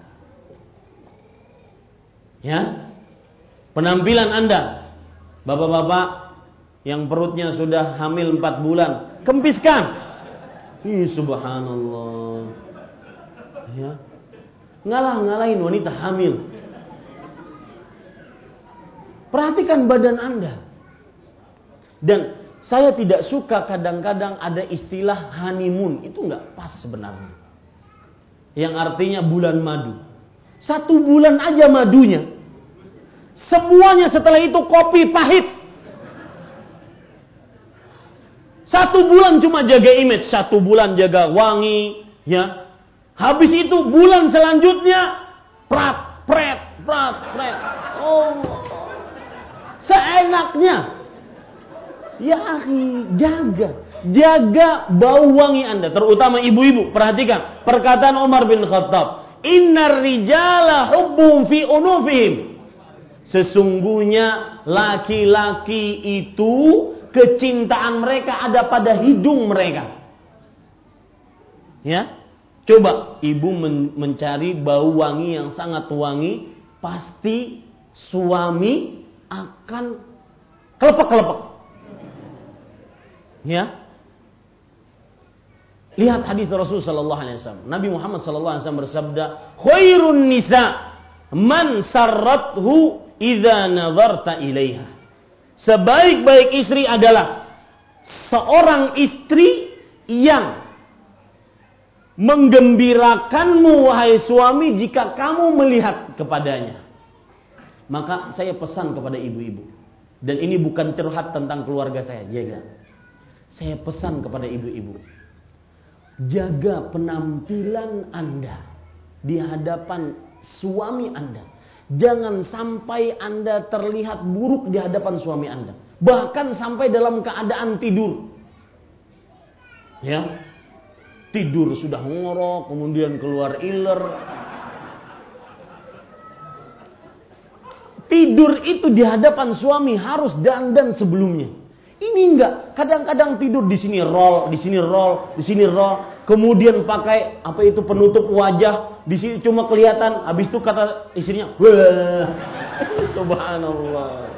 Gimana sang suami mau senang dengan istrinya? Ya, habis itu pakai daster khusus untuk baju tidur. Dasternya seminggu nggak dicuci. Habis itu bolong di sini. Allahu Akbar. Jaga penampilan ya akhi, ya ukhti. Saudariku muslimah jaga penampilan di hadapan istri. Terutama bau-bau badan. Lihat perhatikan hadis ayat Al-Qur'an. Allah Subhanahu wa taala berfirman. Walahunna mithlu alladhi 'alaihinna bil ma'ruf. Kalau tidak salah ini surah Al-Baqarah. Artinya, istri mempunyai hak sebagaimana mereka mempunyai kewajiban. Istri mempunyai hak sebagaimana mereka mempunyai kewajiban dengan baik. Abdullah bin Abbas radhiyallahu anhu menafsiri ayat ini. Beliau mengatakan, "Wallahi inni la uhibbu an atazayyana lil mar'ah kama uhibbu an tatazayyana li al mar'ah." Artinya, demi Allah, aku sangat menyukai untuk berhias di hadapan istri sebagaimana aku sangat menyukai untuk berhias di hadapan suami. Eh, istriku berhias di hadapanku, di hadapan suaminya. Maka perhatikan, ya, bau wangi, bau badan, bau ketek, perhatikan, jangan sampai tercium oleh pasangan kita. Bau angin, ya. Ini kalau ingin keluar angin, keluar sana, jangan ini disebar ke mana-mana, subhanallah. Jaga image-nya pas ketika honeymoon saja. Ketika sudah honeymoon semuanya pahit. Kemudian juga perhatikan tata cara dalam keadaan kita bergaul dengan suami. Ya, sang sang laki-laki suka perempuan yang feminin, yang menjaga kewanitaannya. Kalau lagi makan, ya, perhatikan jangan terlalu beringas makannya. Ini makan sudah ngangkat kaki, kemudian gelasnya mau yang paling besar, guru, guru, guru, kemudian, kemudian, ya, lauknya dimakan sendiri, lupa suaminya. Allahu Akbar. Ajib ya para ikhwas sekalian. Subhanallah. Ya, jaga, jaga feminitas di uh, Anda wahai para istri. Jaga. Ya, Jangan sampai terlihat buruk oleh suami. Ini Bapak Ibu saudara-saudari yang dimuliakan oleh Allah. Kemudian sang suami juga begitu. Dan e, ada konsep menarik dalam menggapai keluarga yang sakinah, mawaddah dan rahmah. Yaitu hindari saling mengejek satu dengan yang lainnya di antara suami istri. Meskipun dalam tahap bercanda. Misalkan sang suami lagi kepanasan dan di Bali ini ternyata panas saya baru tahu ini. Uh, kepanasan buka baju di rumah. Sang istri nada bercanda, ya. Maka sang istri mengatakan, Masya Allah, kudanil dari mana ini?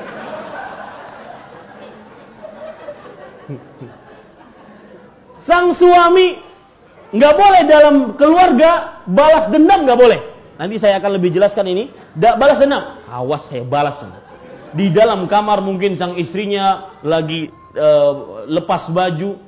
Sang suami mengatakan, Subhanallah, gajah duduk dari mana ini? Ini nggak boleh ya para yang sekalian. Ya, ejek-ejekan di antara suami istri tidak boleh. Balas dendam nggak boleh. Contoh, balas dendam tidak boleh. Nanti saya akan sebutkan dalilnya bahwa meskipun dalam keadaan bercanda, apalagi dalam keadaan beneran, misalkan sang suami menasihati istrinya, kata sang suami, kamu jangan bohong deh, tidak boleh berbohong kepada suami. Sang sang istri dengan mudahnya dia mengatakan, saya berbohong sekali bang, mas, kak, abang sudah sepuluh kali bohong, wajar saya balas dendam. Nah ini nggak boleh.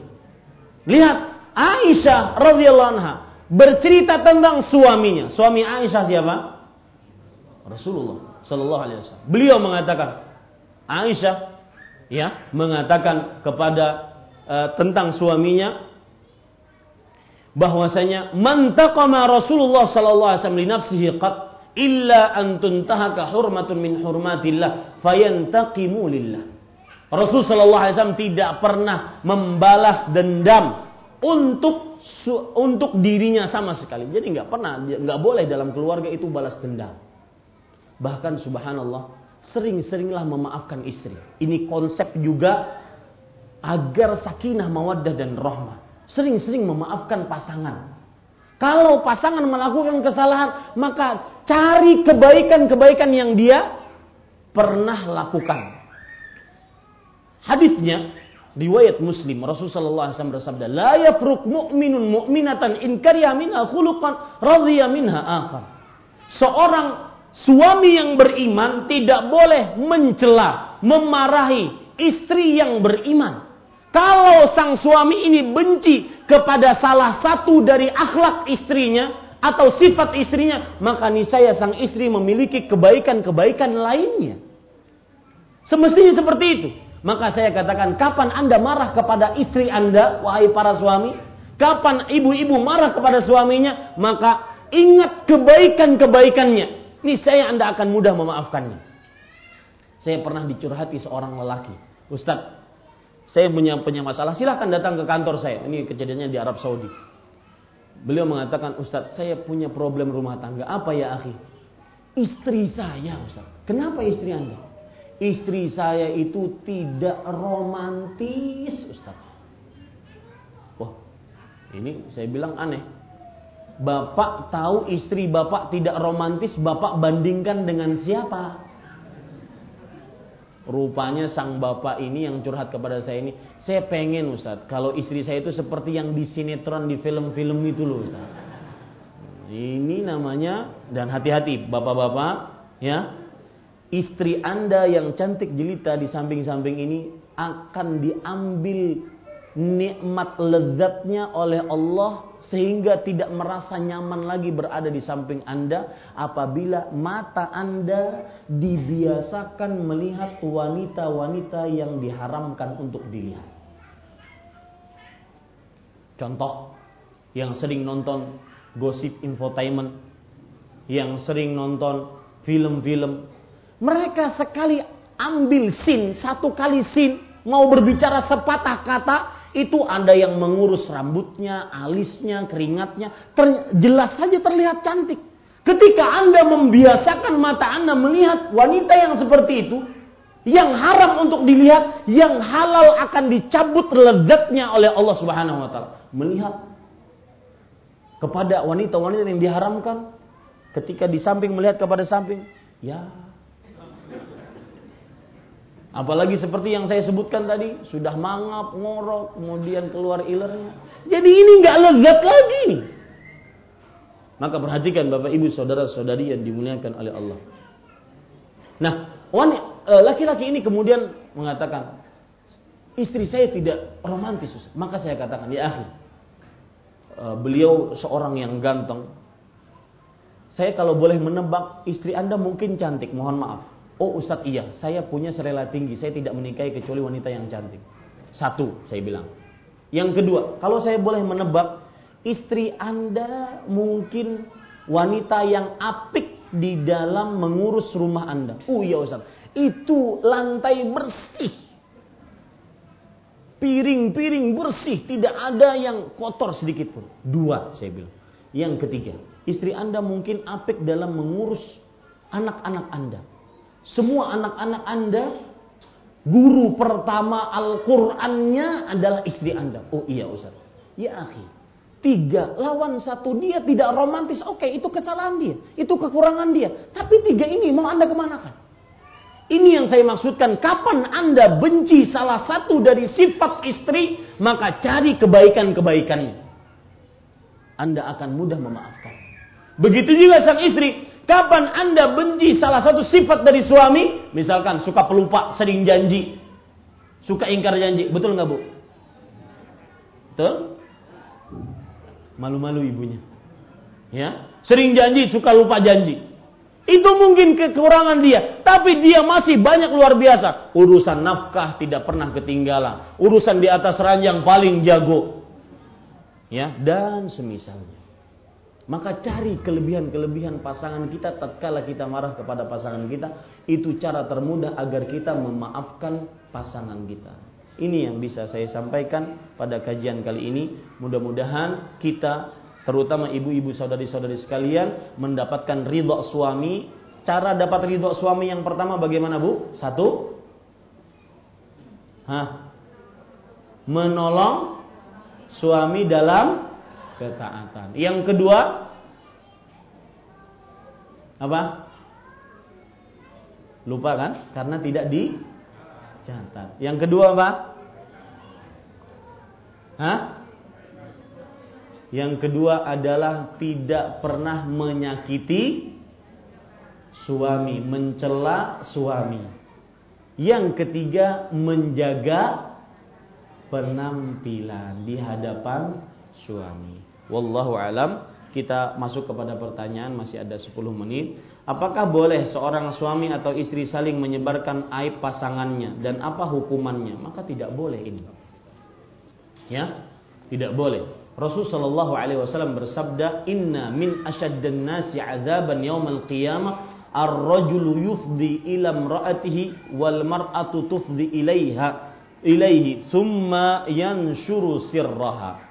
Sesungguhnya eh, afwan, inna min asyarin nasi manzilatan indallah yaumal qiyamah. Sesungguhnya manusia yang paling buruk kedudukannya di sisi Allah nanti pada hari kiamat adalah seorang suami menggauli istrinya, istri melayani suaminya, kemudian sang pasangan itu menyebarkan aib dari pasangannya. Ini nggak boleh. Ya, ini termasuk daripada dosa dosa besar. Wallahu alam. Kemudian pertanyaan selanjutnya, kalau ada gambaran orang dari gambaran tersebut, seorang psikolog bisa mengetahui kondisi dalam si penggambar dan si penggambar membenarkan perkataan psikolog tersebut apakah termasuk kafir? Mungkin ini masalah dalam perkara mengetahui akan hal gaib ya. Maka jawabannya wallahu alam Bapak Ibu saudara-saudari yang dimuliakan oleh Allah bahwa ahli psikologis mereka hanya mereka-reka dari kejiwaan orang tersebut sesuai dengan perkataannya, ceritanya, tata cara duduknya, tata cara berpikirnya, dan kalau itu didasari oleh ilmu psikologi maka itu bukan termasuk dari ramal yang tidak dibenarkan. Wallahu a'lam. Bagaimana sikap istri jika suami tidak mendukung istrinya untuk ikut taklim atau kajian-kajian yang benar? Barakallahu fiik wa fika barakallah. Maka jawabannya nasihati. Dan ibu-ibu perhatikan. Saya pernah dicurhati oleh seseorang, Ustadz, saya ini panitia kajian. Tapi suami saya jauh dari pengajian. Jauh dari mengamalkan amalan sunnah. Ajaran Islam. Hidup hanya sebatas mengerjakan kewajiban, kemudian sangat oriented dengan dunia. Bagaimana menasehatinya? Maka jawabannya gampang. Ambil perasaan suami. Saya berikan rahasia laki-laki ya bu laki-laki itu paling tidak suka ditantang. Betul? Dia merasa akan tertantang kalau ditantang. Maka katakan kepada suami tersebut. Wahai suamiku, wahai kakandaku, saya melihat kalau orang kajian itu digandeng oleh suaminya Kemudian nanti ketika pulang pun mereka bergandengan, alangkah saya ingin sekali seperti itu. Wah, itu laki-laki yang tidak tertantang bukan laki-laki namanya. Betul? Ya, tantang laki-lakinya seperti itu dengan bahasa yang baik. Kita tidak mengemis tetapi mengambil perasaannya. Ya, mudah-mudahan. Jadi nasihati. Kalau seandainya sang suami belum mendapatkan uh, petunjuk untuk lebih mendekatkan diri kepada Allah dengan menghadiri majelis-majelis ilmu. Dan jangan lupa doa. Doa ini sebagian orang meremehkannya. Jangan lupa berdoa agar orang semua keinginan kita mendapatkan petunjuk dari Allah, termasuk suami agar mendapatkan sunnah, mengenal ta'lim-ta'lim kajian yang benar sesuai dengan Al-Quran dan Sunnah, maka jangan lupa berdoa kepada Allah Subhanahu Wa Taala agar diberikan petunjuk. Wallahu alam. Apa hadiah untuk istri yang salihah selain surga yang mengizinkan suami menikah lagi?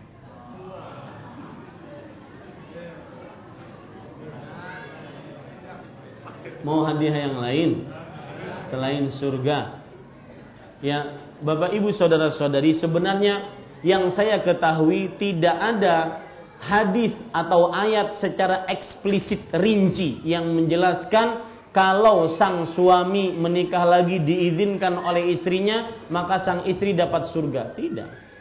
Tidak ada hadis yang seperti itu, akan tetapi saya hanya bisa berbicara tentang masalah poligami ini. Poligami syariat Allah ya, tidak boleh ditentang, dibenci, apalagi sampai ditolak. Maka itu bisa menyebabkan keluar dari agama Islam. Dan wajar saja seorang istri kadang-kadang tidak mampu untuk suaminya berpoligami, wajar. Ya, Aisyah saja radhiyallahu anha kadang cemburu dengan madu-madu Rasulullah sallallahu alaihi wasallam yang lain. Itu di, di dalam rumah Rasul sallallahu alaihi wasallam. Ya akan tetapi yang saya ingin sampaikan di sini yang paling penting bagi kaum wanita muslimah adalah jangan membenci jangan mencela jangan menolak syariat poligami. Adapun Anda belum siap maka itu urusan lain. Itu bicarakan dengan suami Anda. Itu nasihat bagi sang perempuan nasihat bagi laki-laki adalah bahwa Syariat poligami sunnah Rasulullah Sallallahu Alaihi Wasallam. Akan tetapi perhatikan juga apakah anda benar-benar siap untuk berpoligami atau tidak.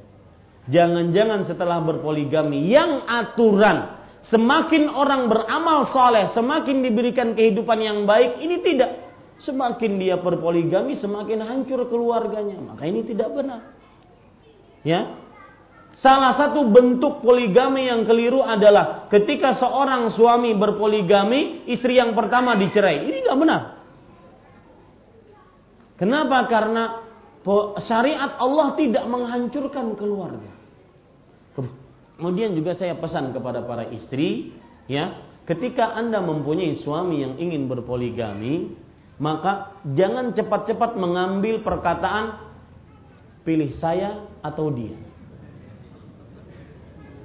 atau perkataan kembalikan saya ke rumah orang tua saya. Jangan. Kenapa? Karena suami Anda sekarang sedang melakukan penjagaan terhadap kemaluannya. Mereka bukan berzina. Mereka bukan melakukan hal yang dilarang oleh syariat. Yang tercela adalah apabila sang suami tidak adil. Baru setelah itu dinasehati, dinasehati, dan terus dinasehati. Kalau seandainya tidak bisa, baru mungkin bisa beristikharah kepada Allah apa sikap yang harus diambil.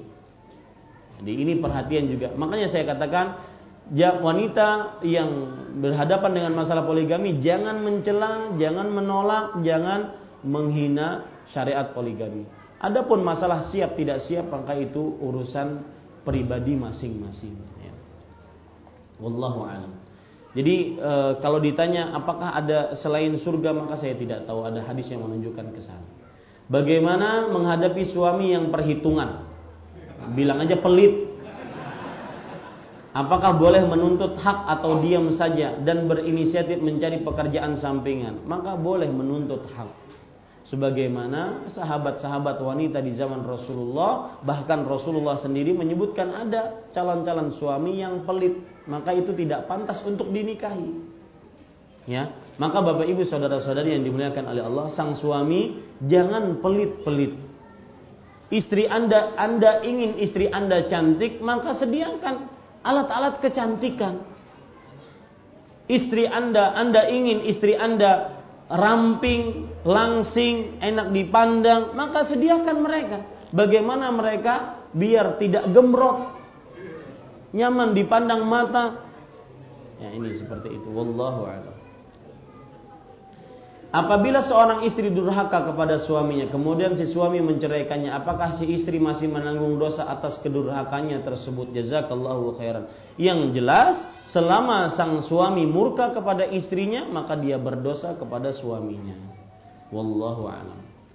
Jika ada seorang teman dari suami sering datang untuk berhutang, belum lunas hutang sebelumnya, tambah lagi hutang baru, hingga hutangnya banyak, suami sungkan untuk menolak saat temannya minta tambahan hutang, padahal temannya bukan tergolong orang susah.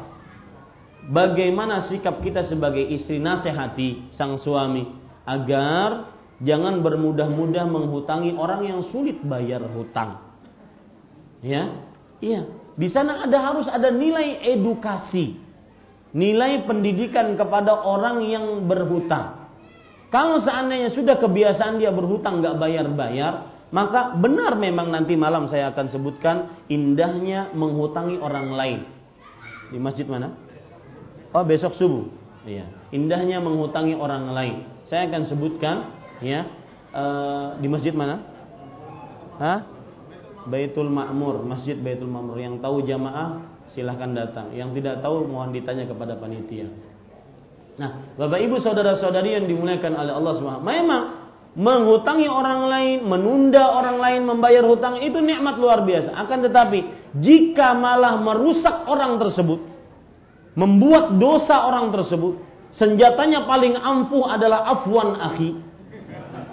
Maaf wahai saudaraku, nggak bisa bayar, maka pada saat itu jangan dihutangi agar dia tidak banyak dosa.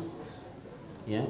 Jadi sang istri menasihati sang suami dalam hal seperti ini. Wallahu a'lam. Bagaimana jika seorang istri mengizinkan suaminya berhenti merokok? Kami sekeluarga sudah berulang kali menasehati akan tetapi suami tidak mau menuruti. Padahal subhanallah suami saya rajin ke masjid dan rajin ta'lim. Mohon nasihatnya. Maka jawabannya saya hanya bisa menasihatkan rokok itu bahaya dan Allah rokok itu buruk. Buruk, tidak ada kebaikan yang diambil dari rokok.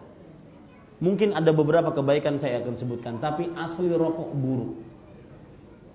Makanya dia pantas untuk dihisap di tempat-tempat yang buruk. Di mana paling enak menghisap rokok? Di WC. Ya, rokok itu buruk. Tidak ada uh, dalam agama Islam tidak boleh kita mengkonsumsi yang buruk. Allah berfirman, "Wa yuhillu lahumut thayyibat wa yuharrimu 'alaihimul khaba'ith." Allah menghalalkan yang baik-baik dan mengharamkan yang buruk-buruk.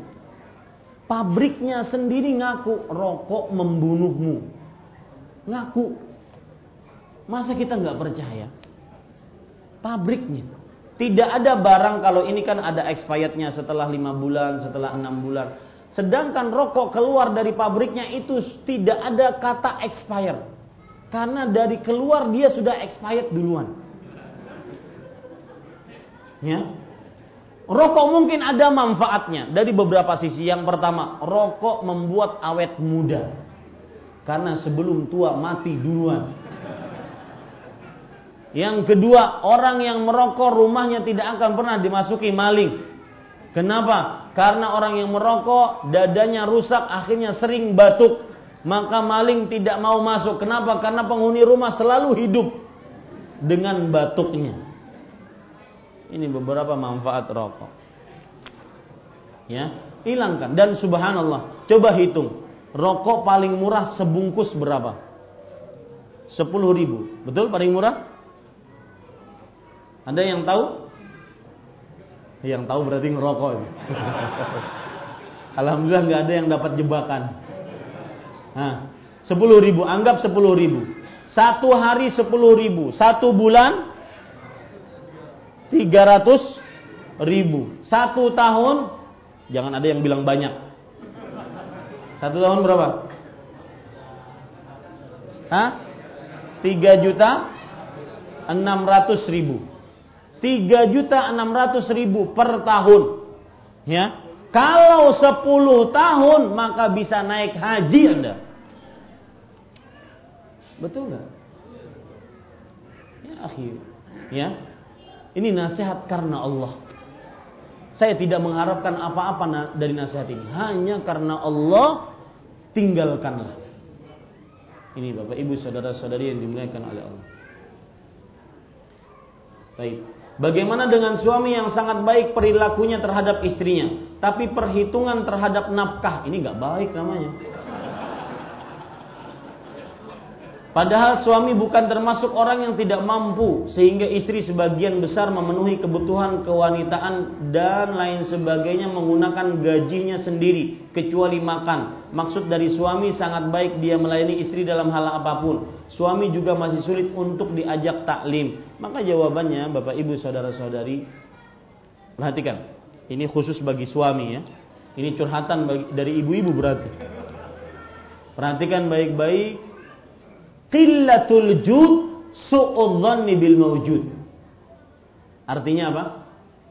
Orang bakhil, tidak dermawan, itu sebenarnya pada saat yang bersamaan dia sedang berburuk sangka kepada Allah yang maha ada.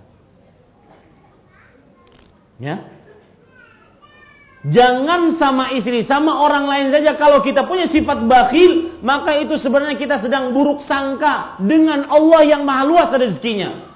Bukankah Allah berfirman, Rasulullah SAW bersabda, Amfiq umfiq alik. Wahai anak Adam, nafkahkan hartamu, sedekahkan hartamu, aku akan ganti. Dan umfiq di sini fi'il mudhari, kata kerja present, kata kerja langsung. Yang artinya sedekahkan hartamu langsung aku ganti. Dan bagi siapa yang me, uh, membiasakan dirinya bersedekah merasakan ini, belum ngasih, baru niat sudah diganti oleh Allah. Betul? Ya. Apalagi sama istri yang itu kewajiban Anda. Ya. Jadi jangan pelit-pelit dengan istri, akan tetapi juga jangan terlalu berlebihan. Wallahu a'lam. Bagaimana jika suami suka membanding-bandingkan istrinya dengan perempuan lain padahal perempuan itu pekerjaannya meminjamkan uang dengan bank. Wah, ini bahaya. Tidak boleh sikap seorang suami membanding-bandingkan dengan perempuan lain. Dan juga pesan saya kepada ibu-ibu saudari-saudari muslimah, jangan pernah menceritik, menceritakan perempuan lain di hadapan suami Anda. Itu dilarang dalam agama. Ya, Jangan pernah mencerita kalau sang suami kadang-kadang iseng, "Bu, gimana sih istri si fulana? Eh, istri si fulan itu, fulana itu gimana? Oh, eh, kulitnya putih, hidungnya mancung, matanya indah dan semacamnya."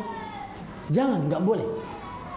Itu nanti sang suami akan mengimajinasikan di dalam pikirannya untuk menghayal istri lain atau suami apa perempuan lain maka ini tidak diperbolehkan apalagi sampai membanding-bandingkan dengan istri maka saya katakan seperti yang saya sebutkan tadi hadis riwayat Imam Muslim la yafruq mu'minun mu'minatan in kariha minha khuluqan radhiya minha akhar Seorang suami yang beriman tidak boleh mencela istri yang beriman. Jika dia membenci sesuatu dari istrinya, maka dia akan suka dari beberapa hal dari istrinya.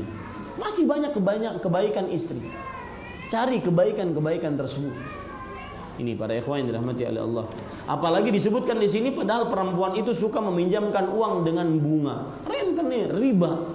Masa yang seperti itu di, uh, dibanding-bandingkan dengan istri kita yang salihah, yang thayyibah, yang uh, yang mereka itu adalah membantu kita dalam kehidupan kita. Ya, ini Bapak Ibu saudara-saudari yang dimuliakan oleh Allah.